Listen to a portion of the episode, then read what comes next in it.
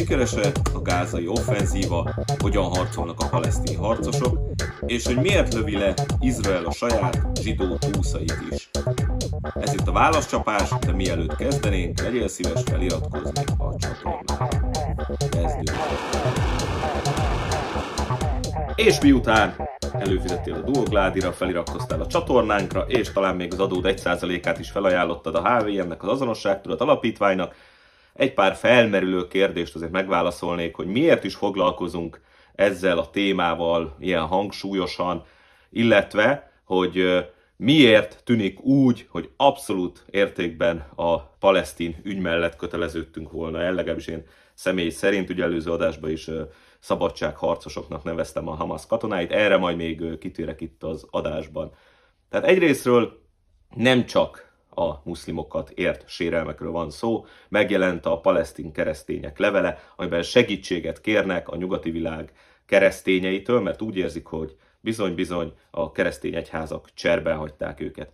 A második számú szempontunk pedig az, hogy ahol népírtás zajlik már hosszú évtizedek óta, illetve ilyen kegyetlenkedéseket követel egy állam a saját tyaival szemben, illetve az őshonos lakossággal szemben, az mindenképpen egy olyan ügy, amelyben meg kell szólalnunk. Már csak azért is, mert mi magyarok, ugye Trianon miatt tapasztaljuk, hogy milyen az, amikor egy idegen állam fennhatósága alá kerül sok-sok nemzettestvérünk.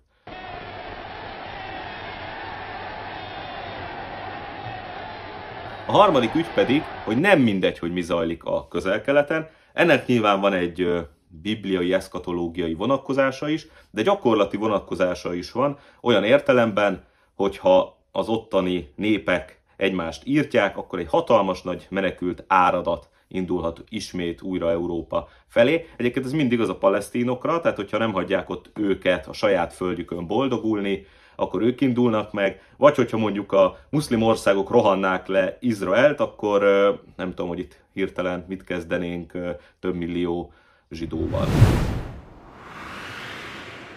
Az előző adásban foglalkoztunk a újonnan kirobbanó háborúnak az előzményeivel, illetve azzal, hogy mi is történik ugye október 7-én, de leginkább a média viszonyokkal foglalkoztunk, és azért tettük mindezt, hogy bemutassuk a hazai magyarországi média viszonyokat, hogy rávilágítsunk arra, hogy valójában itt egy média terror van, és ezért is találkozunk csak a cionista narratívával megdöbbentő módon, amik majd most következnek adatok, illetve amiket az előző adásban is már-már felvillantottam, tényeket, a magyar médiában meg nem jelenő információkat, azt egyébként az ellenzéki, izraeli médiából, konkrétan a Haretzről lehet a legtöbbet megtudni. Tehát kijelenthető, hogy Izraelben, ez érdekes, Izraelben nagyobb sajtószabadság van, mint Magyarországon, úgyhogy már csak ezért is kell foglalkozni a témával, mert megmutatják ezek a média viszonyok, tehát a média viszony az jól bemutatja, hogy valójában milyen politikai berendezkedés is van jelenleg Magyarországon.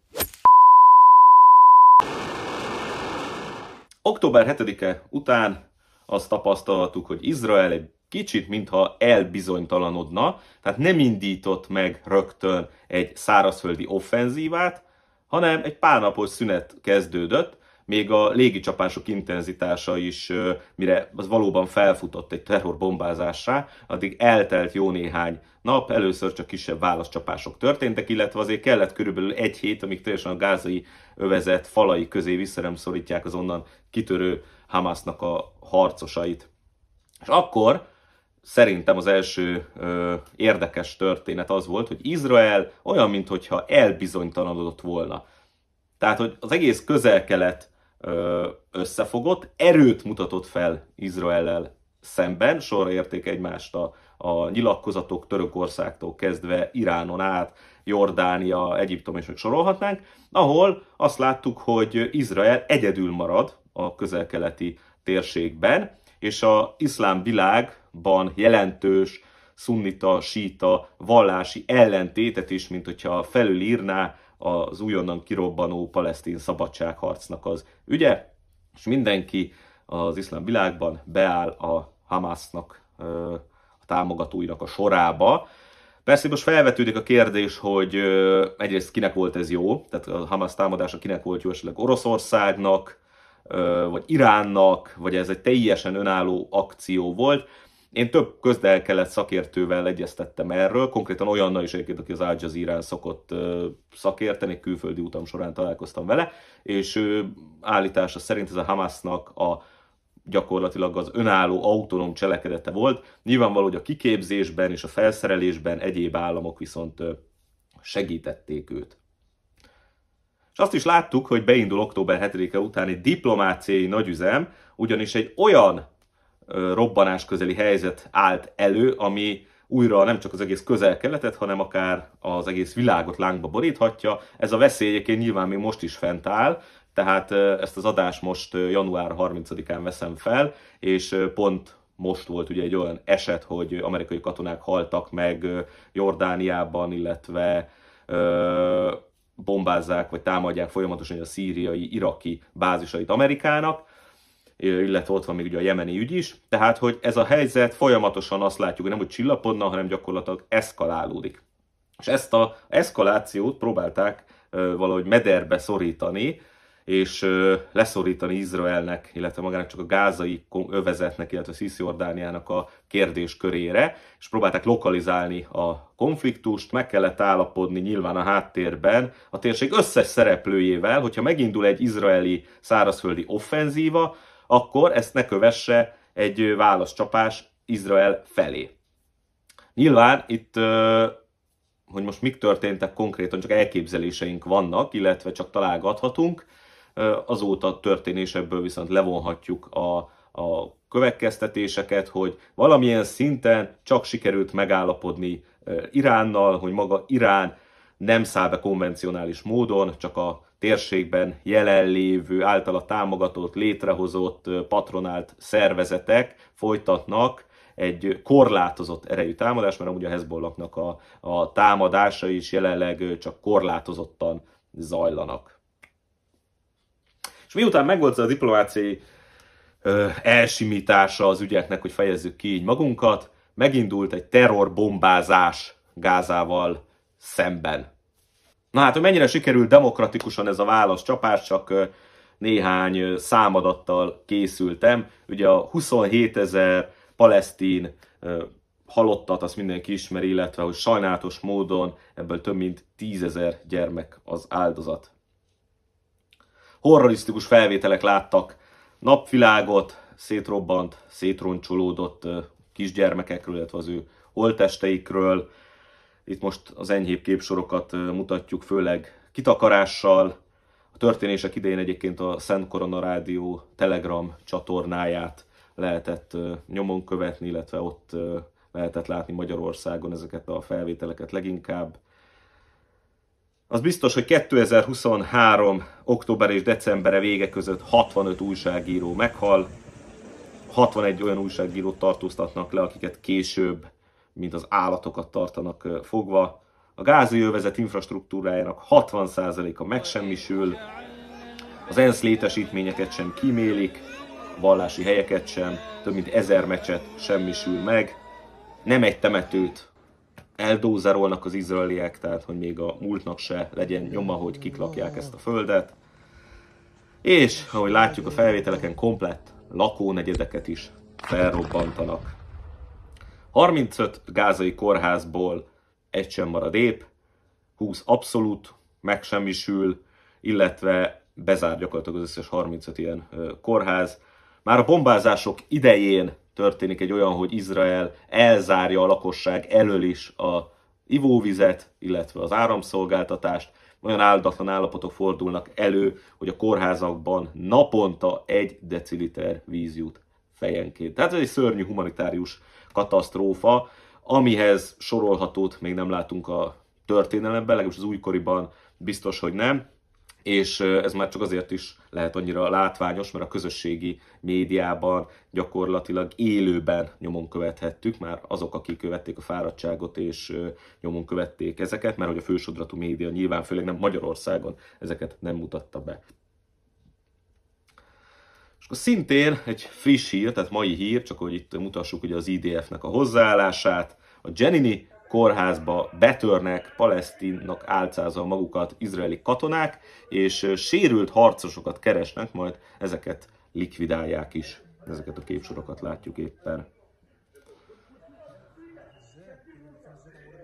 És hát mindennapi képsorok voltak a lebombázott negyedek, ahogy romok között kutatnak a túlélők a szeretteik után. Erről a szörnyű népírtás témájáról rákonyorodunk a katonai helyzetre, hogy mi is zajlik valóban a gázai offenzíva címén.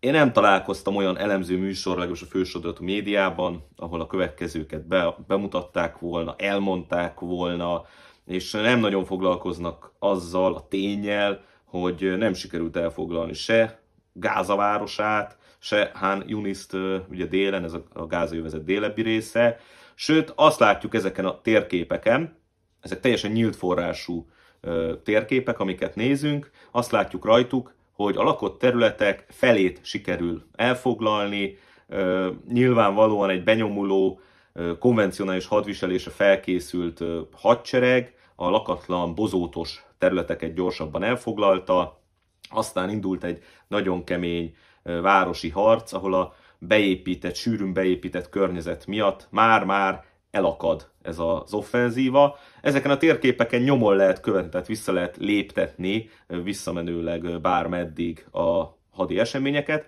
és bizony-bizony azt látjuk, hogy volt ugye egy tűzszünet, azt leszámítva is, vannak olyan hetek, amikor még egy utcányit se mozdul előre a zsidóknak az offenzívájuk, tehát ebből arra következtethetünk, hogy megakadt, és hogy komoly fejtörést okozott a Hamasnak az ellenállása, hogy hogyan is harcoltak. Tehát egyrészt ezeken a bozótos területeken, a külterületeken, a város külterületein azt láttuk, hogy ott is egy sűrű, kiépített alagútrendszerrel fogadták az előre nyomuló gépesített lövész egységeket, följöttek az alagutakból, rájuk lőttek, visszahúzódtak, utána egy másik alagútból folytatták ezt. Tehát ilyen kisebb, pontszerű lesállásokkal lassították az IDF előrenyomulását, hát a városban pedig ezt folytatták, ami város már ugye szét lett bombázva, tehát Monte Cassino esetében az izraelik még meg is nehezítették a dolgukat, mert ott a romok között nehezebb harcolni, mint a tényleges épületek között, nehezebb észrevenni az ellenséges megrejtőzködő erőket.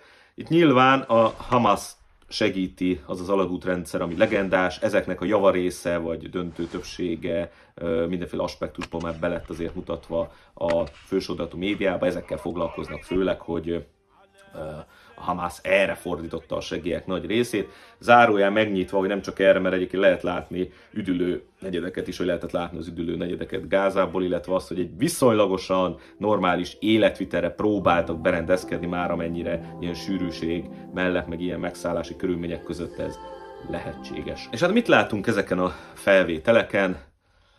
Gyakorlatilag heroikus képsorok kerültek ki. Itt most, hogy mi a hősies, meg mi nem a hősies, én azt mondom, hogy egyéni szinten minden hadseregben lehetnek hősies tettek, az orosznál, az ukránnál ugyanúgy, sőt még az IDF soraiban is lehetnek hősies cselekedetek, ahol az egyén a bátorságáról tanúbizonságot tesz, és amiért, amiben hisz, azért pedig képes az életét is kockáztatni. Ez minden hadseregben többé-kevésbé előfordul. Azt látjuk, hogy ugye a palesztinok, a Hamasnak a harcosai, ugye az Al-Qassam brigádok, ahogy hívják őket, ugye ez a katonai szárnyuknak a hivatalos neve, gyakorlatilag az életüket kockáztatva harcolnak, de ezt most azért mondom így, hogy az életüket kockáztatva, mert nincs is más választásuk. Tehát amennyire körbezárják és beszorítják őket, így nehéz más csinálni, legfeljebb még egy út lenne, hogy leteszik a fegyvert és megpróbálnak felszívódni. Gondolom, ez is azért nagy számban előfordul, és ahogy haladunk előre az offenzívában, még ugye október 7-én azt látjuk, hogy hogy fejkendőben, felöltözve, rendes katonai fegyverzetben hajtják végre a illetve felszerelésben a támadásaikat. Itt Gáza körül, a Gáza város körüli bozót harcokban is még katonai jellegű viseletben vannak, bár már egyre jobban elmaradozik, míg a városban gyakorlatilag gerillaként papucs, szandál, legfeljebb egy gépkarabé, és ugye ez a híres Jasin tandemfejes RPG páncéltörő, kézi páncéltörő eszköz, ami úgy látszik, hogy ez lesz most itt a Gázaváros védekezésének a nagy sztárja. Ugye ez egy olyan tandemfejes robbanó eszköz, amely azért van egy dupla fej rajta, hogy az egyik tehát az első fej az a reaktív páncélzatot elműködteti, felrobbantja, és a második kumulatív fej pedig a páncéltesten fog áthatolni. Nagyon sok ilyen felvételt látunk, tehát napi szinten teszi közzé a Hamas ezeket a felvételeit, és hát azt nem látjuk nagyon sok esetben, hogy mi lesz az eredménye. Tehát azt nem látjuk, hogy, hogy van-e másodlagos robbanás, tehát hogy csak elműködik-e a reaktív védelem, és hogy sikerül-e ezen áthatolni a, a kumulatív töltetnek, és felrobban, megsemmisül a harckocsi. Ezt nem látjuk ezeket a felvételeket, vagy nagyon keveset. Nyilván nem minden esetben semmisíti meg, vagy szerintem az a kevesebb, hogy ténylegesen megsemmisül a harckocsi, viszont harcképtelenné nyilván harcképtelenné tudja tenni nagyon sok esetben. Ha olyan helyen találja el például a lánctalpát, akkor ugye ez, a láncszemek legördülnek, és akkor mozgásképtelen lesz. Ha optikai rendszerét éri találat, ugye akkor megvakul a harckocsi, tehát megint csak harcképtelen lesz. Tehát nem is arra kell gondolni feltétlenül, hogy ezek után minden Merkava meg fog semmisülni. De azokat a felvételeket is látjuk, hogy nem csak a harckocsikra, a Merkavákra lőnek, hanem ugye a benyomuló buldózerekre és egyéb harcjárművekre, itt a könnyebb hammerektől elkezdve a lövészpáncélosokon át mindenre gyakorlatilag ezzel lőnek.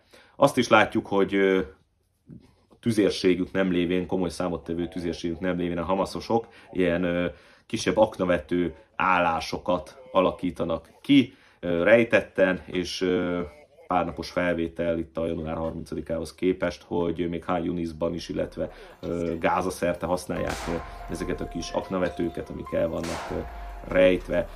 És visszatérve a heroikus képsorokra, tehát azért a második világháború óta nem láttunk olyat, hogy gyakorlatilag test közelből semmisítik meg a páncélosokat. Több felvétel is kikerül, hogy odaszalad a palesztin harcos, és valamilyen robbanó testet élesít és elhelyezi kézzel, felrakja a harcjárműre. Hát ez mindenképpen tényleg egy elképesztő, heroikus képsor, nem mutatják be ezeket Magyarországon, mert nekünk magyaroknak lehet, hogy erről mondjuk az 56-os szabadságharcunk jut eszünkbe, vagy illetve nehogy véletlenül az átlag néző elkezdjen szimpatizálni a Hamasnak a harcosaival. De látjuk azokat a képsorokat is éppen itt bevágva, ahogy egy kézigránátot ejt be a palesztin a harckocsinak a csövébe, és mivel hogy nem volt a és mivel nem volt betöltve, gondolom semmiféle gránát, ezért berobban ettől az egész harckocsi, ezek is bejárták a világ sajtónak, legalábbis az arab világnak a médiáját, Magyarországon nem láttuk ezeket a képsorokat, ahogy azokat sem nyilván, ahogy a palesztin mesterlövészek dolgoznak. Itt a YouTube miatt a találatokat, közvetlen találatokat nem tudjuk bemutatni, így is félő, hogy le fogják tiltani a videót, illetve hogy 18 pluszossá teszik sajnálatos módon. És hogy mire játszhatott a Hamas, amikor megtámadta, hogy október 7-én Izraelt, kitört onnan gyakorlatilag, Hát nyilván azt tudták ők is, hogy ezt egy megtorlás fogja követni. Az, hogy milyen geopolitikai helyzet van, ugye arról már ö, beszéltünk, de ők valószínűleg kiszámították egyrészt Izrael belpolitikájának is a következményeit. Tehát az, hogy van egy Netanyahu kormány, ami nem volt túl népszerű a háború kitörésekor sem, az újabbkori háború kitörésekor, és azóta sem, tehát tömegtüntetések voltak az offenzíva alatt is Netanyahu-val szemben aki csak azt tart jelenleg kormányon, hogy háború van, szükséghelyzet van, és egy ilyen nagyon furcsa helyzetben találhatja most magát a Netanyahu kormányzat, mert amíg háború van, addig elmozdíthatatlan, mert hogy most hogy írjanak ki ugye választásokat, szükség, állapot, stb. Szükség van a kormánynak a stabilitására. Igen ám, de minél tovább tartja fent ezt a háborús helyzetet, annál rosszabb helyzetbe kormányozza bele saját magát és az országát. Látjuk a gazdasági nehézségeket is, tehát amikor több százezer tartalékost mozgósítanak, akkor ezek a tartalékosok hiányoznak a munkaerőpiacról. Tehát komplett szektorok, gyártósorok, stb. állnak le, és Izrael GDP-je nagyon megsínli ezt a háborút, tehát nem fenntartható az, hogy egyszerre próbálják elfoglalni a gázai övezetet, közben van egy lázadozó Cisjordánia, ott főleg ugye a Fatak mozgósított, illetve az élen van a, a Hamas is és többi szervezet is, illetve közben északról, ugye Dél-Libanonból a Hezbollah szurkálódik, támadja az izraeli hadsereget. Ez minimum három front, és akkor egyebekről ne is beszéljünk, ugye már említve, hogy körbe van véve ellenséges államokkal gyakorlatilag Izrael. Utóbbi időben ugye csak Egyiptom felé tudta ezt rendezni. Tehát hosszú távon nem fenntartható egy olyan intenzív katonai mozgósítottság, illetve több százezer embernek a fegyverben tartása, ami kellhet ehhez. Tehát az erőforrások nem biztosítottak. Hát láttuk, hogy a lőszerrel és a bombával nem spóroltak Gáza városában, illetve az egész Gáza jövezetben. Mégis meg tudták akasztani a palesztinok ezt az offenzívát, időt nyertek, és hát azóta a Gázaváros körül úgy, hogy a térképek megnézve nem sikerült elfoglalni, úgymond megtisztítani az egész területet. Ki is vonták északra a csapatokat, a Hezbollah általi fenyegetettségre hivatkozva északra vezényelték a szerződéses állományt, míg a tartalékosokat pedig elkezdték leszerelni, és hazaküldeni, hogy akkor most már dolgozatok és termeljétek a GDP-t. Közben Han Yunis körbevették, és akkor pedig zajlanak jelenleg is valamilyen szintű harcok, és napi szinten kerülnek ki azok a felvételek, hogy, hogy hogyan harcol ott is az ellenállás. És akkor vizsgáljuk meg az IDF veszteségeit. Nyugati médiában pár száz főről írnak összesen, nem éri el az ezért a halálos áldozatok száma hivatalosan. Hát ezzel szemben nézd meg, mit mond a Hamas, ami nyilván túlzó, vagy a valóságot nem feltétlenül minden szálában kibontó, erre mindjárt reagálnék. Tehát ők azt írják, hogy 1113 izraeli páncélzat járművet semmisítettek meg kompletten a nagy gázai offenzív ostrom után. Igen, ezeket nyilván olvasom ezeket a számokat, mert most ilyen adatokat az ember nem jegyez meg. Csak január 27 és 28-a között, vagy ezen két napon 11 izraeli járművet jelentenek Hán Yunisból, amit megsemmisítenek. Érdekes, hogy ugye ekkor meghal 25, tehát egy összecsapás során 25 IDF-es katona, ez viszont bekerült a magyar sajtóban is, sajtóba is. Itt ugye az történt, mint láthattuk az előző felvételeket, a komplet lakónegyedeket robbantanak fel. Szintén egy ilyen lakónegyed felrobbantására készültek az IDF-esek, amikor is rajtuk ütöttek a Hamasnak a harcosai, és a már aláaknázott épületben lévő robbanó testek berobbantak, véletlenül akkor, amikor egy Merkavára nyitottak tüzet a hamaszosok, és megölt 25 katonát. 14 és 21-e, január 14 és 21-e közötti héten 68 katonai jármű semmisül meg, vagy lesz harcképtelen, 57 katonai műveletet hajt végre Han Yunisban a Hamas, lelőtt két izraeli Skylark drónt, és több ö, aknavető tüzet, illetve rövidtávú rakéta tűzcsapást hajt végre az IDF sorain, állítja a Hamas. Na most nyilván ezek a nevükben is benne van, mert sokszor úgy fogalmaznak, hogy hajt végre, vagy tesz harcképtelenné, tehát ezek mondjuk ez a sok-sok uh, harcjármű valószínűleg inkább az, hogy annyira történt a rálövés, tehát annyi izraeli járműre lőnek rá, amiben keletkezik valamennyi kár.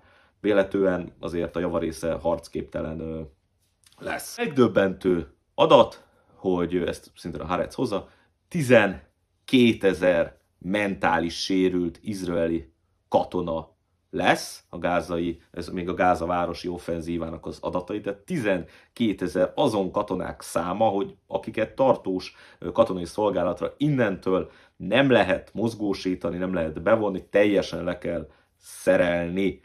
Ez inkább mondjuk a izraeli hadseregve nézve negatív kép, az ő mentális állapotukat mutatja be, nem is feltétlenül a Hamas erejét mutatja. Legfeljebb csak olyan szinten, hogy ilyen körülményeket tudtak teremteni. És akkor nézzük meg az október 7-én, október 8-án elesett áldozatoknak a számát. Tehát egyrészt ugye itt a hivatalos a 1200-1300 áldozat, de ebből is 400 izraeli katona, 10 simbét ügynök, illetve 59 rendőrtiszt, tehát már is azt látjuk, hogy a civil áldozatok száma az ezer alatt van, nyilván minden egyes ártatlan áldozat sok, és elfogadhatatlan, de azért látszik, hogy hogyan kozmetikázák, hogyan tálalják a számokat, hogyan csinálnak ebből ezer feletti áldozatot. És hogy most ki a civil, ki nem a civil, azzal is mindjárt foglalkozunk, meg ez az egész kérdéskörrel, tehát hogy szabadságharcosok, terroristák, stb. De előtte kikerültek azok a felvételek, amikor a Hamas harcosai a harcérinkezés során összeszedik az izraeli katonákat, akár a harcképtelenné vált harcjárműből, vagy úgy egyébként, és magukkal hurcolják az arconaltól messzebb, és ők is túszá válnak.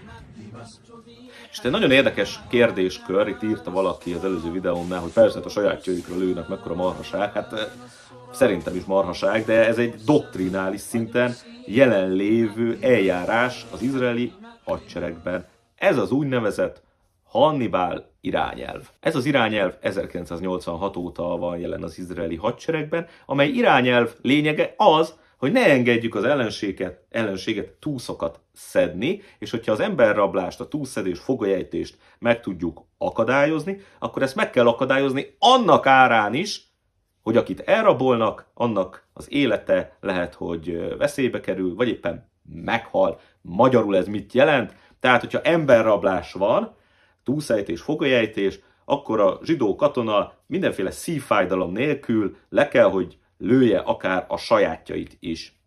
Itt különböző példákat hoznak erre, hogy ez hogy néz ki, de a lényeg, hogy amikor túlszulejtenek egy izraelit, és mondjuk az úgynevezett terroristák menekülnek vele, akkor mondjuk azt a járművet nyugodtan ki lehet lőni. Tehát ez az irányelv, a Hannibal irányelv magyarázza a Nova Fesztivál eseteit, illetve hogy amikor előbb biadásban bemutattuk a kibuc elleni ö, támadás, nál felmentő seregként érkező Merkavát, hogy miért lövi szét a Merkava a kibucot, hát ez az irányelv az, ami magyarázatot ad erre. Ezt az irányelvet nyilván izraeli jogvédők mindenféle oldalról próbálták támadni, volt, hogy általában felfüggesztették, nem biztos, hogy ez mai napig érvényben van, de volt egy eset, és ez pedig a 2014-es augusztus 1-én e- történt Rafavban, amikor megakadályozta a hadsereg, hogy a Hamas fegyveresei egy elfogott izraeli katonatisztel meneküljenek el a helyszínről, nem tettek közé számadatokat arról, hogy most ez hány Hamas harcos életébe került, illetve hogy hogyan sikerült ez a túszmentő akció. Tehát ők úgy gondolják ezt a túszmentő akciót, hogy ha túszá váltál így jár, tehát téged is agyonlövünk. Szokták emlegetni a Gilát Salit ügyet, amikor egyetlen katonáért 1027 palesztint, és köztük 427 Hamas harcos kellett szabadon bocsátaniuk az izraelieknek. Tehát egyetlen egy túszért ez volt az ára, hogy őt kiszabadítsák, és ez az ügy az egyébként, ami újra valószínű, de titkolják, hogy ez hogy van érvényben ez az irányelv. Tehát ez volt az az ügylet, amikor azt mondták, hogy na egyetlen egy túszért ez már túl nagy ár, és visszavezetik ezt a irányelvet. Megtörtént az, hogy a Hamas által fogjulejtettek, valahogy felügyelet nélkül maradnak a tűzharcok során, és megpróbálnak előjönni a rejtek helyről, hallják a harcérinkezésből, hogy közel vannak az izraeli saját felmentő csapatok, help! Feliratokat írnak ki, hogy a levegőből ez jól látható legyen, héberül kiabálnak, és még egy hevenyészet, fehér lobogót is készítenek, ők maguk egyébként pedig mesztelenek, tehát még azt sem lehet mondani, hogy az izraeli katona azt látta volna rajtuk, hogy robbanó, vagy mellény van rajtuk, előjönnek, és lelövik őket. Tehát látjuk, hogy az izraeli hadsereg hogy áll a fehér zászlós önmagukat megadók irányába. Valószínű egyébként ez nem a Hannibal irányelvből fakadó eljárás volt, hanem egyszerűen egy harctéri stressz, egy tűzharc során beszűkült tudatállapotnak köszönhető az, hogy fel nem ismerte még ezen egyértelmű jeleket sem az illető. De olyan felvételek is kikerültek, és ezeket látjuk, amikor fehér zászlót lengető, civil, vonuló tömeg be belelőnek, illetve az első tagját, egy kisgyermekes édesanyát lelőnek egyszerűen. Erre a fehér zászlós esetre nem egy példa van, itt egy másik képet látunk, ahol fehér zászlóval esett össze az áldozat, az odamen, a segítséget nyújtó testvére, aki odament hozzá, pedig őt is lelövik. Tehát láthatjuk mind a Hannibal irányelvből, mind azt, hogy az önmagukat megadó civilekkel, mert ezek tényleg civilek, hogy bánik az izraeli hadsereg, hogy milyen mély morális állapotok uralkodnak az IDF soraiban, és ez valóban egy terrorállamnak a terrorista ö, serege ebben az esetben. És akkor ö, itt egy kicsit boncolgassuk ezt a civil, nem civil ö, kérdéskört. Tehát itt a közel-keleten, ebben a, a nyugati bástyaként emlegetett országban, hogy az itt a nyugat bástyája, miféle demokratikus állapotok uralkodnak, azért azt tegyük hozzá, hogy mindenki volt katona. De abban az esetben, ha mindenki volt katona, férfiak, nők, kivétel nélkül, és a lakosság jelentős része fel van fegyverezve, és október 7-én is egyértelmű, hogy kikerülnek olyan jelentések, olyan beszámolók, hogy hősként bemutatják azokat a harcosokat, zsidó harcosokat, akik megvédik a saját kibucukat fegyveresen. Tehát akkor itt most ki a civil, említettük ugye korábban ebből az 1200-1300-ból, hogy mennyi ténylegesen ö, fegyveres rendvédelmi alakulatnál szolgáló áldozat volt, de a többi civilnél is nyilván felmerülhet az, hogy volt nála fegyver. Nyilván voltak fegyvertelenek is, ezeket a képsorokat is ugye láttuk, tehát én nem tagadom, hogy sok valóban civil, ártatlan embert is elhurcolnak, illetve megölnek. Szörnyű, szörnyű tényleg. Csak tehát amikor évtizedek óta gyakorlatilag egy népírtás zajlik egy nép ellen, és a másik fél fegyverben áll, tehát a telepeseik fel vannak fegyverkezve, az utcán fegyveresen járkálnak az izraeliek, akkor nehéz ugye különbséget tenni. És a másik oldalról is kicsit, hogy ellensúlyozom ezt a véleményt, illetve hogy legyünk igazságosak, azért amikor Hamas harcosai tényleg papucsban, normális melegítőben, civil ruhában vívják a harcukat, a vállukon egy szál RPG van, amit elműködtetve, kilőve a harckocsira eldobnak, és azt mondják, hogy civil vagyok, hát az se túl elegáns, valljuk be. Nyilván ez egy gerilla mozgalom sajátja, nem is tudnának máshogy harcolni, de megmagyarázza azt, hogy miért van egyébként legalábbis részben magyarázza azt, hogy miért van egyébként ennyi civil áldozat a gázai offenzíva során. Nyilván a terrorbombázásokat semmi nem magyarázza, de az, hogy a tűzharcban mindenre lőnek az izraeliek, ami mozog, hát az ezzel is magyarázható, hogy a Hamas harcosai itt a ostrom során nyilván nem viselnek semmiféle megkülönböztető jelzést, és akkor ezután nagyon nehéz megkülönböztetni a civileket. De ismétlem, ugye az előbbi ebben bemutatott fehér zászlónál azért erre e, nincsen magyarázat, de ez egy komplex kérdéskör, hogy kit hogyan lehet megkülönböztetni egy ilyen harctéren. Akkor ugyanilyen komplex kérdéskör az, hogy mikor terrorista, mikor szabadságharcos, mondjuk egy Hamas harcos. Tehát az én sommás véleményem, hogyha akarva fegyverteleneket lőnek le, akkor az tényleg egy terrorcselekmény, akkor lehet azt mondani, hogy egy civil áldozatot lőnek le. Viszont amikor látjuk azokat a képsorokat, hogy személyesen hogyan szállnak szembe a harckocsikkal testközelből semmisítik meg őket, védik a saját földjüket, akkor ki lehet mondani, hogy ők viszont szabadságharcosok. És ugyanez igaz a másik félre is, tehát amíg egy izraeli katonot, emberséget mutat, és gyakorlatilag betartja a nemzetközi előírásokat, illetve azt nem mondani, hogy az általános emberi értékeknek megfelelően viselkedik a harctéren, akkor ő valóban egy olyan katona, aki kötelességét teljesíti, parancsot kapott, megy előre.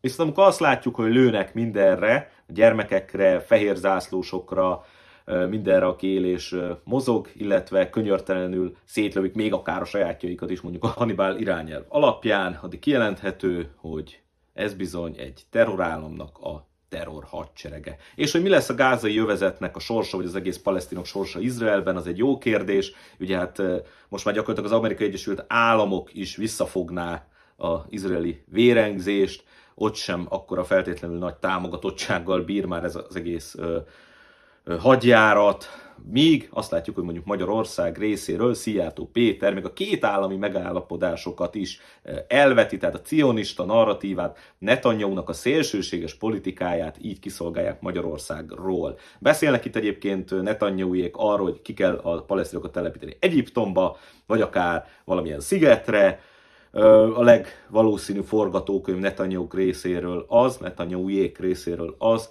hogy a gázai övezetet is fellazítják, etnikailag katonai támaszpontokat hoznak létre, telepeseket telepítenek be, gyakorlatilag egy Cisjordánia 2.0-át szeretnének létrehozni, míg a nemzetközi véleményben egyre inkább falsúlyosabb az a hangsúly, tényleg a két állami megállapodás, egy önálló palesztin létrehozása a keleti jeruzsálemi fővárossal. Nagyon sok mindenről kellene beszélnünk, ami már nem fog beleférni ebbe az adásba, még röviden az eszkatológiai vonatkozásról, már csak azért is, mert úgy tűnik, hogy a muszlim harcosok, a Hamas harcosai valami vallási fanatikusok, akik mindenféle zavaros vallási előírásokra építkezve, ez az ő ideológiájuk és fundamentalistaként mennek előre, még a másik oldalon, ugye az izraeli katonák pedig, illetve maga Izrael egy nagyon reális politika talaján áll, két lábon a földön járnak, ők csak békében szeretnének élni a saját országukban. Ez a narratíva van kibontakozóban, miközben eszkatológiai vonatkozása például az Al-Aqsa mecsetnek a sorsa, vagy a templomnak a sorsa, ugyanis az izraeliek szeretnék újjá építeni itt a templom hegyen a templomukat, ehhez pedig le kéne ugye rombolni a mecsetet. Erre a templomra egyébként már teljesen kész vannak a tervrajzok, van ennek egy honlapja is, bemutatják, hogy hogyan néznek ki, gyakorlatilag csak arra várnak, hogy meginduljanak a dózerek, dózerok, a mecsetet elpusztítsák, és megkezdődhessenek az építkezések, és hogy ezt nem csak bizonyos szélsőséges szekták gondolják így, hanem akár a harctéren jelenlévő IDF-esek, a annak bizonyításául lássuk a következő képsorokat, mit mond erről egy izraeli katona. Én pedig ezzel búcsúznék, ez volt a válaszcsapás, ha tetszett, akkor iratkozz fel a csatornára.